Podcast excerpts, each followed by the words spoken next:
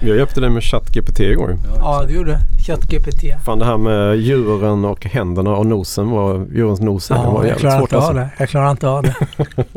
jag gjorde fel. Ja, men du kommer lära dig det också. Mm. Mm. Välkomna till dagens Placera-podd. Jag heter Per Ståhl och eh, på min vänstra sida har jag Daniel McPhee. Och rakt över sitter ju, det var länge sedan. Karlans. Mm. Mm. Nu i och för sig sitter vi mitt mot varandra. Det var väldigt länge sedan vi satt här i alla fall och, ja, och poddade. poddade. Ja, förra veckan va? Ja men med Per. Jag var inte med förra veckan. konstellationen var länge sedan. Ja. ja men då kör vi. Vilken, en, ännu en händelserik vecka. Ja alltid. alltid. Kronkrasch. Får man säga. Fastighetskrasch. Och lite ISM-krasch. Jag tänker på alla de här inköpschefsindexarna har ju, tycker jag, kraschat lite. Kommer lågkonjunkturen nu då? Nej. Fortsatt rallytryck. Ja. Definitivt. Fortsatt inte så höga värderingar då, trots det här rallyt. Jag var och lyssnade på en, en företagspresentation faktiskt i veckan. Som jag inte berättat så mycket om. AQ Groups mm. VD var jag lyssnade på. Fordonsunderleverantör, ja. Ja, det är de. Kablage lite bland annat. Lite allt möjligt. Elskåp eh, med batterier i. Eh, väldigt bred flora av produkter. Men man är kontraktstillverkare. Man tillverkar inget under eget varumärke liksom. Men de skriker efter folk. Jättespännande att höra att det är gigantisk efterfrågan och eh, det går väldigt bra. Så det, det, är kul att höra från industrin när den här efterfrågan är så pass stor som den är som man kanske inte får, när man tittar i media då att precis som Daniel börjar, kommer lågkonjunkturen, är vi i lågkonjunktur och så vidare. Sa de någonting om eh, att den svenska kronan hade hjälpt dem? Eller var det något prat om det? Det borde ju en viss effekt till industrisektorn tänker Jo men det pratade vi lite om. De har ju mycket verksamhet i, globalt så de finns ju i både Nordamerika, Sydamerika, Kina och i eh, Europa och väldigt mycket i Östeuropa nu senaste mm. åren. Då. Mm. Så visst, krona spelar roll. Men jag tänkte på det du sa. Jag har ju tittat på Hexatronic i veckan eh, som är under blanka attack. Och faktiskt det har varit lite frågor kring finansieringen där från kunderna då som ska köpa fiber och installera fiber. Men eh, den stora risken som VDn säger där, precis det du är inne på där, att eh, hitta installatörer mm. som är utbildade också som kan se till att installera den fibern som de behöver. Så att eh, det ser man även där. Ja, det är svårt att rekrytera folk och det är lite intressant. Det talar för fortsatt uh, löneinflation skulle jag säga. Och höga räntor. Och höga räntor, precis. Men vi gjorde en annan spaning. Daniel och jag var ju träffa en förvaltare på SE-banken mm. Eh, i må måndags, tisdags, tidigt i veckan. Ja, Hur som måndags. helst. Måndags var det. Det eh, var jätteintressant. Systematisk eh, förvaltning som komplement till fundamental förvaltning. Tycker jag, det jag tog med mig var ju att man har börjat se på kreditrisken mycket mer. Mm. Vilket man har sett i fastighetsbolagen såklart. Där är det ju, man tittar på kreditrisken nu när man handlar ner dem så mycket. Men att de såg det så markant precis på dagen med Silicon Valley Bank när, den, när det eventet inträffade då att investerarna är mycket, mycket mer, de har mycket större fokus på hur eh, finansiering ser ut i alla bolag, inte bara i fastighetsbolagen som vi har känt på mycket i Sverige då. Nej men det känns ju absolut som att det, på något sätt börsen är ju ganska enkelspårigt. Man, man skiter i kreditrisken tills det faktiskt händer någonting och helt plötsligt ska alla titta på kreditrisken. Eh, fastighetsbolagen har ju länge varit högt belånade. Man tycker att det är okej okay tills det inte är okej okay och då ska alla prata om det och alla handla på det. Så att, men det är också det som skapar möjligheter. Så att många av de här bolagen som är högt belånade och har mycket skuld, de kommer ju klara det också. Och har funnits i högräntemiljöer tidigare. Så att, eh, jag tycker inte man behöver lägga allt för stor vikt vid just det. Man Springer åt samma håll, alltid.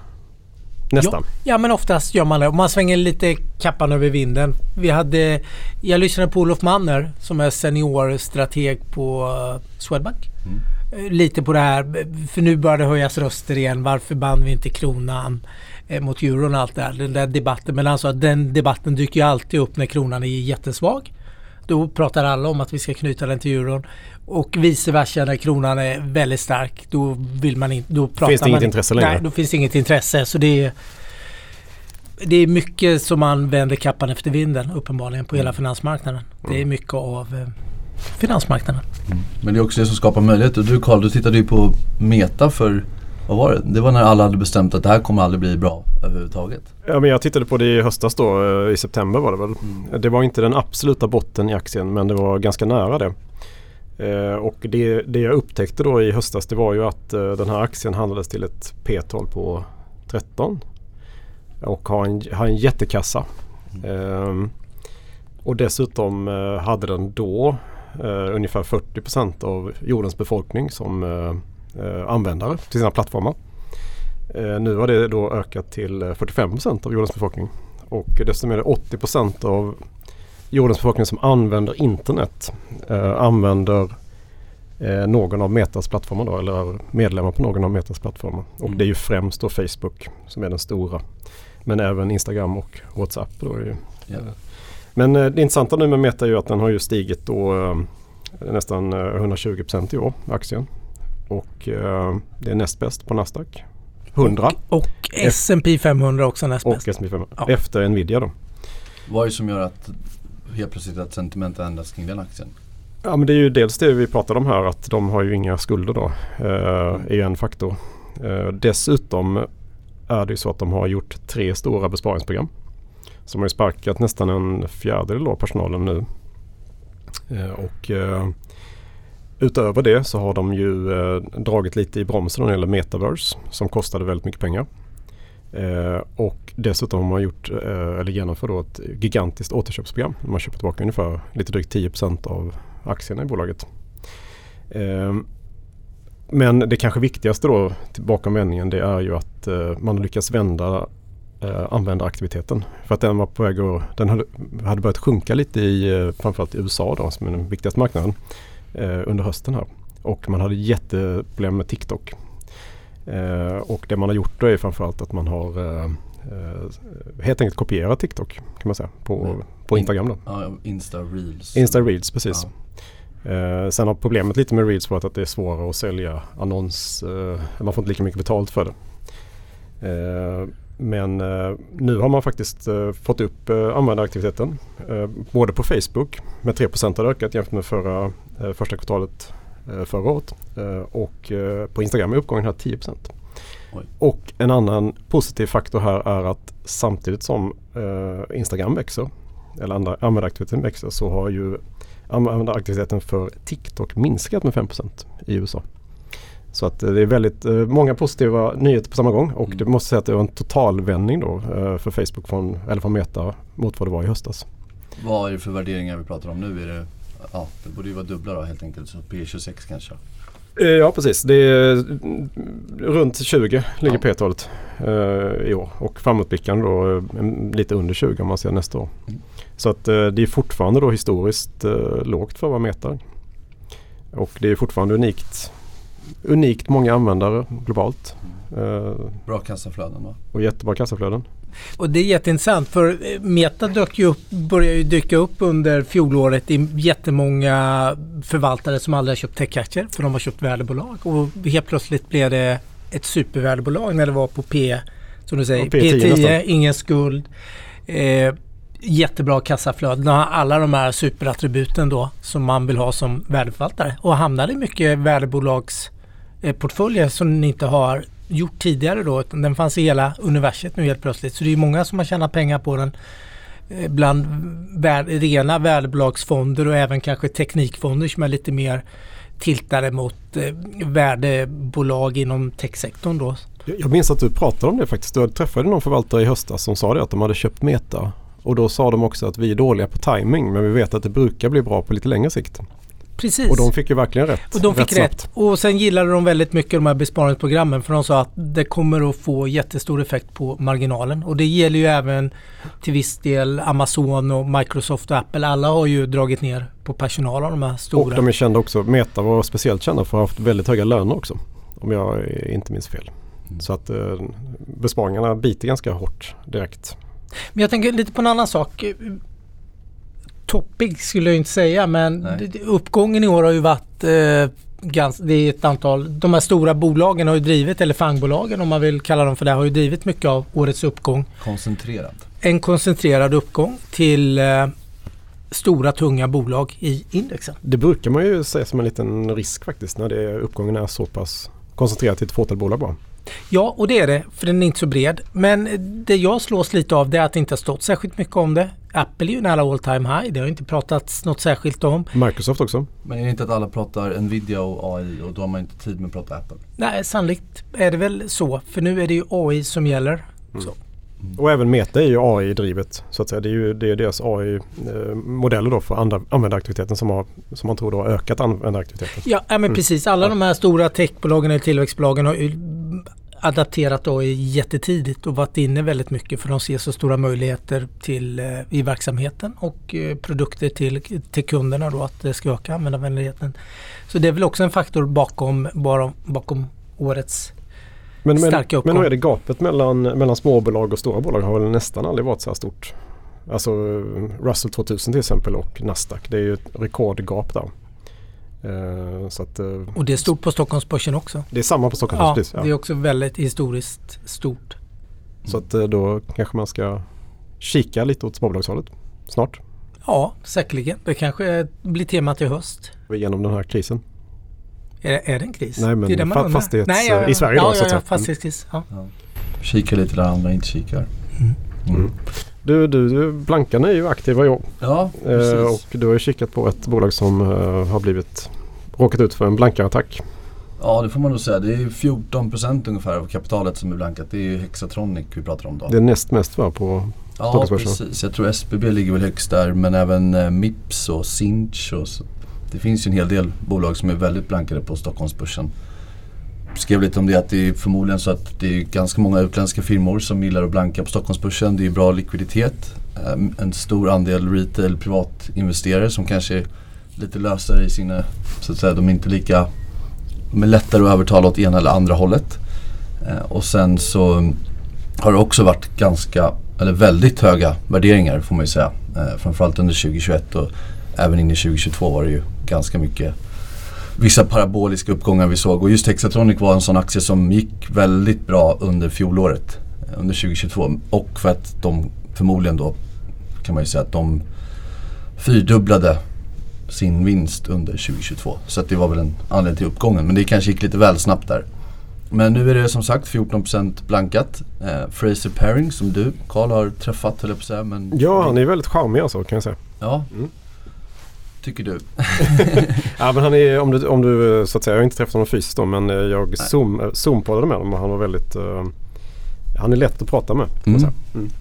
Nej men och han har ju blankat, vi pratade lite om det i förra podden, men han har ju blankat Wirecard och haft rätt där. Han har hittat jätteklockrena case kan man säga. Ja. Sen, sen, jag ställer mig mer frågan nu vilka case han inte eller har lyckats med för det vet man ju inte. Och SBB tycker inte jag själv var Eh, Eh, visst han hittade några saker där men det var inte så imponerande. Det är ju fler som har pratat om det innan att det kanske var lite hög skuldsättning och snabba förvärv. Så att. Men eh, han är ju säkert jättebra och som jag skriver också så blank, de som blankar måste ju verkligen ha koll på det de gör med tanke på att nedsidan är ju oändlig. Det vill säga att om du hamnar fel där och måste köpa tillbaka aktierna kan det bli extremt dyrt. Eh, och har du rätt så visserligen det blir ju en en bra affär men inte lika bra om du gör en bra affär på uppsidan eh, med någonting du äger. Men eh, aktien har gått ner 50, den är halverad i år. Från visserligen hög värdering och väldigt höga nivåer. Eh, från 164 i toppen i december 2022 och nu handlas den runt 67-68 kronor. Men eh, det de har fått kritik för då, det kan man säga, de har ju förvärvat ganska mycket. Eh, så kritiken ligger kring att det inte är bra förvärv. De har betalat för dyrt helt enkelt. Ja, för dyrt och att de här eh, förvärven inte har gett tillräckligt bra kassaflöden. Mm. Och sen eh, har de också fått kritik för att eh, de inte har telefonkonferenser. Vilket de inte haft fram till idag. De ska ha det i Q2 nu. Men tidigare har de inte haft det så det finns en fråga kring transparensen i bolaget.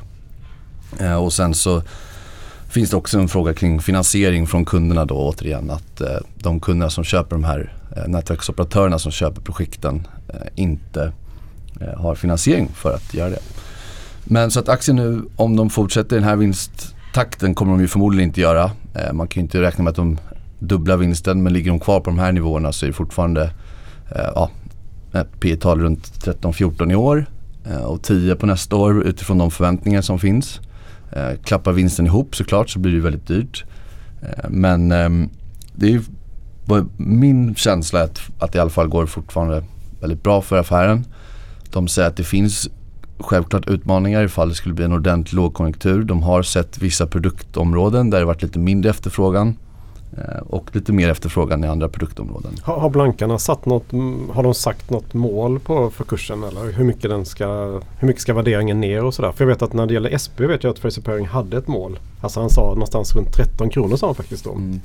Uh, det här var ju länge då, det var i höstas liksom. Men jag undrar om de har kommunicerat någonting. Om de är de nöjda nu eller är de liksom, ska den, tycker de att det ska ner mer? Liksom? Vad jag har sett så är 25 kronor har de sagt. 25? Eh, och, eller att det är Fraser Paring som har sagt det. Så det är ytterligare en bra bit ner då? Mm. Mm. Och det finns ingen rapport än utan det här är någonting han har gått ut med på Twitter. Ja. Och jag såg igår senast att han skrev att det kommer mer saker nästa vecka. Okay. Så att, eh, det är väl också en sån grej som kan få kursen att fortsätta neråt. Då. Och man ska ju som sagt ha väldigt mycket respekt för att de har nog gjort sin hemläxa. Eh, sen kan det alltid finnas sådana saker, de kanske inte riktigt förstår dynamiken mm. eh, i bolaget eller det är ganska enkelt att vara kritisk till ett bolag som har gjort mycket förvärv eh, och haft en hög värdering. Så att de har ju haft rätt hittills som man också säger eftersom att aktien är halverad i år också. Sen vet man inte exakt när man gått in men det finns en relevans i det. Eh, ledningen har, jag tror att det var sex av sju eller sju av åtta i ledningsgruppen som under maj har köpt aktier. Inga enorma summor men jag tycker ändå att det finns någonting i det. De har inte varit ute och pratat om att eh, blankarna har fel på det sättet utan de har bemött den kritiken när de har fått frågor kring det. Eh, och inte pratat om vad blankarna är för typer eller att det finns något annat sånt. Så professionellt bemötande kan man säga. Det brukar ju vara lite ett bra tecken. Mm. Jag, jag upplever det så. Sen så kan det ju såklart vara så att andra har en annan uppfattning. Men äh, jag, jag, tycker att det är ett intressant läge om man gillar bolaget. Om man tycker att det finns en bra långsiktig efterfrågan på deras produkter. De har breddat sina produkter lite grann. Eh, det finns mycket fiber till hemmet som till exempel blivit väldigt mättat i Sverige. Men Nordamerika är ju stora caset där fortfarande penetrationsgraden är väldigt låg. Även Tyskland. Tyskland kan jag intyga att det är väldigt lågt. Ja. Och sen säljer de också dukt som är de här rören eh, som man använder och till exempel 5G det är också en sån kritik att det ska konkurrera ut fiber men det behövs väldigt mycket dukt när det kommer till fiber. Eh, sen kan man också fråga sig vad ska en sån här typ av en fiberoperatör eller tillverkare, vad ska de värdera det till? Det kanske här någonstans är en rimlig värdering men tittar man till historiska Vad är värderingen då? Eh, P13 på innevarande år på de förväntningar som finns ska man ju säga. Det låter inte jättehögt. Nej, nej och så har den eh, EV-ebita på 10 ungefär. Eh, de har 1,2 gånger, 1,7 eh, gånger ebitda DA tror jag i skuldsättning. Så den är ju hög eh, men inte sådär läskigt hög Nej. på något sätt. Eh, så att, äh, jag tycker att det är ett intressant läge men som sagt det kan ju absolut gå ner betydligt mycket mer. Och att förmodligen kommer de här blankarfirmorna komma med mer information om vad de är kritiska till. Förra året fick vi tre omvända vinstvarningar från bolaget. Så att de har ju verkligen slagit förväntningar och att en mildare tillväxttakt får man nog räkna med. Så att, eh, ja, det är intressant att du, att du vågar gå emot blankarna här tycker jag. Mm. Ja, det är, det är, så, det är ju såklart eh, en väldig risk. Men om man eh, som sagt gillar bolaget och tror att de kan fortsätta leverera. Det är kanske ingen raket härifrån men man måste ju köpa när det går ner. Så att, och det finns ju alltid någon legitim anledning till att det går ner. Så att, om man vågar blicka ut två, tre, fyra år så kanske det kan bli bra ändå. Mm. Ja men det blir spännande att följa upp. Men väldigt hög risk ska man ju säga med tanke på just hur blankat det är. Mm. Men det finns möjligheter också. Det finns alltid möjligheter. I månadens ak ja. aktier har vi släppt. Ja just det, vi släppte det ja. Vad, vad gjorde ni för förändringar där bland era, era innehav så att um, säga? Era jag, bidrag till listan? Mitt bidrag var att jag uh, la in Siemens Energy då som jag tror står inför ett uh, starkt årtionde. När den, nu pratar vi klimatomställningen. Klimat, eh, den gröna omställningen. Mm. Eh, när vi ska eh, ställa om från kolkraft då framförallt till eh, grönare energikällor. Och då kommer vi behöva Siemens Energys teknik. Mm. Yeah. Mm. Så att jag, jag plockade bort Mondelez som ju faktiskt hade fått lite kritik för att de fortsätter att sälja choklad i Ryssland också. Den, den, kom på Ukrainas svarta lista. Ja, jag såg det. Ja. Eh, sen hade den väl åkt ut i vilket fall som helst då. För jag tycker att den har fyllt sitt syfte då. I, eh, som en väldigt defensiv placering i Målands aktier. Nu mm. tycker jag att man ska kanske byta strategi lite grann. Ja, vad har ni gjort? Ja, men jag ligger kvar med Alfen som är de som jobbar inom elektrifieringen med sina tre olika ben. Eh, jag ligger kvar med SCA, skogsbolaget. Eh, och sen har jag lagt till ett bolag som heter Alberts, eller Alberts eh, 2A. Eh, också ett nederländskt bolag precis som Alfen. Då. Och de jobbar med tekniska produkter kan man väl säga inom industri, fastigheter.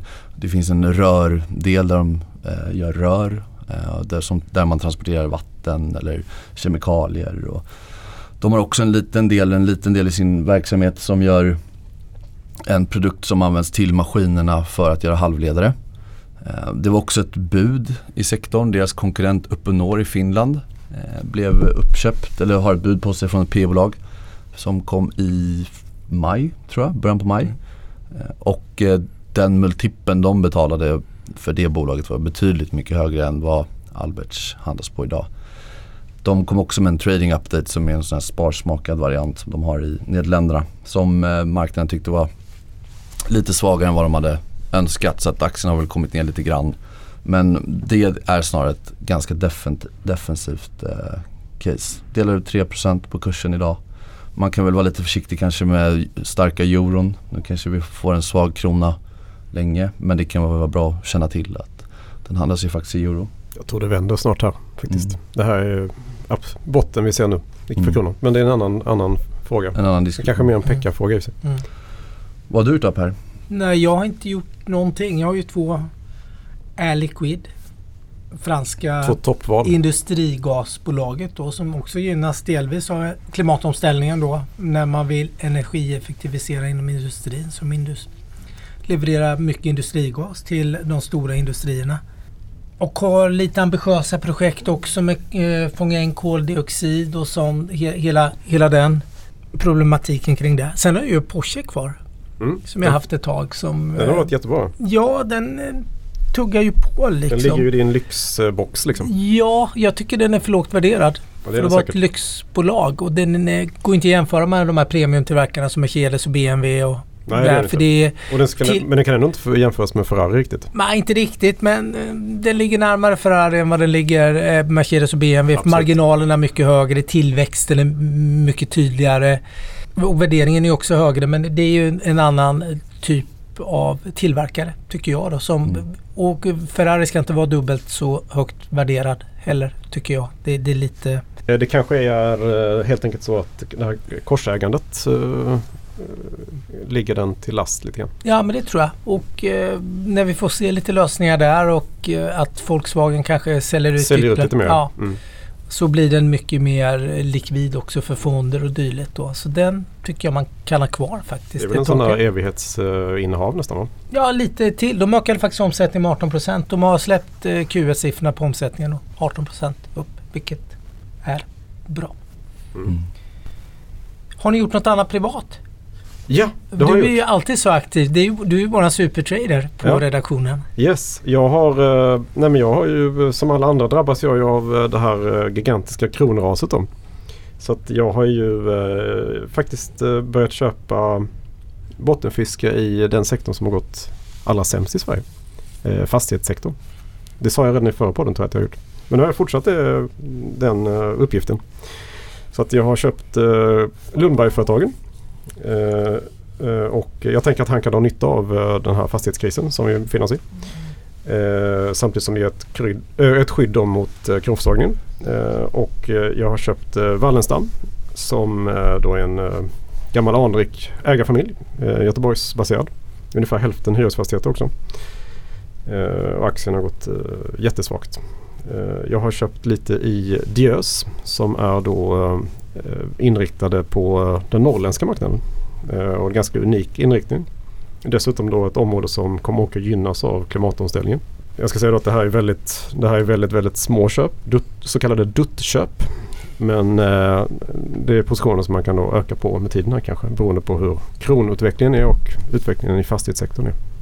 Vad har ni gjort? Ja, jag i början på veckan här köpte jag lite mer CTT. Det pratade jag om i förra podden så att vill man veta Fukt. varför. Luftfuktare i flygplan. Precis, fuktparadoxen. Mm. Det kommer jag, kommer jag snart att behöva lite senare i eftermiddag. Och det som eh, jag tittar lite grann på också, det är ju insynsköpen som sker nu. Man får ju komma ihåg att det har ju faktiskt gått två månader in på kvartal två. Eh, så att även om det inte finns eh, några jättevolymer i, i insynsköpen så de insynsköpen som gör nu inte på något sätt att de handlar på insynsinformation men eh, förmodligen så kan det ju vara så att man har en uppfattning om att eh, det går fortsatt bra. Jag tycker man har sett det i lite andra bolag också. Eh, så att där har jag köpt lite grann, eh, adderat, jag har ju ägt den sedan tidigare. Och sen igår kunde jag inte hålla mig och köpte jag lite mer Balder. Eh, så att även där fastighetssektorn eh, och det skrev jag ju om för två veckor sedan tror jag. Så att, eh, vill man veta mitt resonemang kring varför jag köpte det så kan man läsa den texten. Egentligen. Det gäller ju att plocka de fastighetsbolag nu som, inte, alltså som kan dra nytta av det här på något sätt. Mm. Som inte går under då. Det är väl där, det är väl där Ja, jag gillar ju att de inte delar ut pengar. Nej, de har ju stoppat alla sina investeringar. Bara det är 5 miljarder per år på kassaflödet. De har en del projekt som kommer eh, hanteras nu. Sen så klart att det finns den där frågan kring Collector. Det vet man inte riktigt hur det ser ut framåt. Eh, men eh, zoomar man ut några år så kan det nog bli ganska bra. Jag tror att de kan klara sig ganska länge. De har också AMF som ägare som de gjorde en riktad till till exempel. Så att förhoppningsvis låter de det inte gå allt för illa. Och Selin har överlevt ganska många kriser. Ja, jag kollade ju på det. Det var ju innan 2000, de noterades ju 2005 när de också grundades. Då hade vi en ränta på 1,5 procent. Eh, och räntan gick till 4,75 innan finanskrisen där. Så att de har ju varit med om ett högre ränteläge även om de kanske också har gasat lite för snabbt som alla andra när det kommer till skuldsättningen. Så det är ju långt ifrån riskfritt och det är en lång bit kvar men äh, återigen så måste man ju köpa när det ser illa ut och inte när allt är guld och gröna skogar. Som det finns ingen avkastning utan risk. Så är det ju. Per, vad har du gjort? Jag har ju fortsatt mina köp som jag pratade. Jag har inte varit med på några veckor nu. Men då, då, Berätta om de senaste veckorna då. Eh, då har jag köpt Palo Alto Networks som du ja, är ett stort innehav hos dig. Men jag sålde ju Crowdstrike ägde jag, hade en liten post och sen eh, sålde jag Tesla. Om vi bara ska backa och jag sålde Latour och lite annat. Jag har ägt lite smått och gott. Rensade portföljen efter min USA-resa. Och eh, köpt TSMC också som jag ägt tidigare. Som jag sålde. På dippen? På dippen. Den var väl en liten dipp i TSMC? Ja, jag, alltså här ja, är... ja. Du köper väl bara all time high? Nej, men TSMC har ju varit dipp. De sålde jag ju när kriget bröt ut. Exakt. Jag blev livrädd där vid Ukraina-invasionen där för drygt ett år sedan. Jo, men det var en dipp också nu när uh, Buffett sålde ju sin andel. Ja, just det. Jag köpte ju, ja men precis. Det mm. pratade vi nog om förra gången. Jag köpte ju när Buffett, när Buffett sålde. Buffett sålde vad jag, jag, sålde jag förstod inte att det var... Just det, så är det. Och sen har jag sålt lite Nvidia som har gått så mycket. Din Tenbagger? Jag tycker att vi tar helg nu.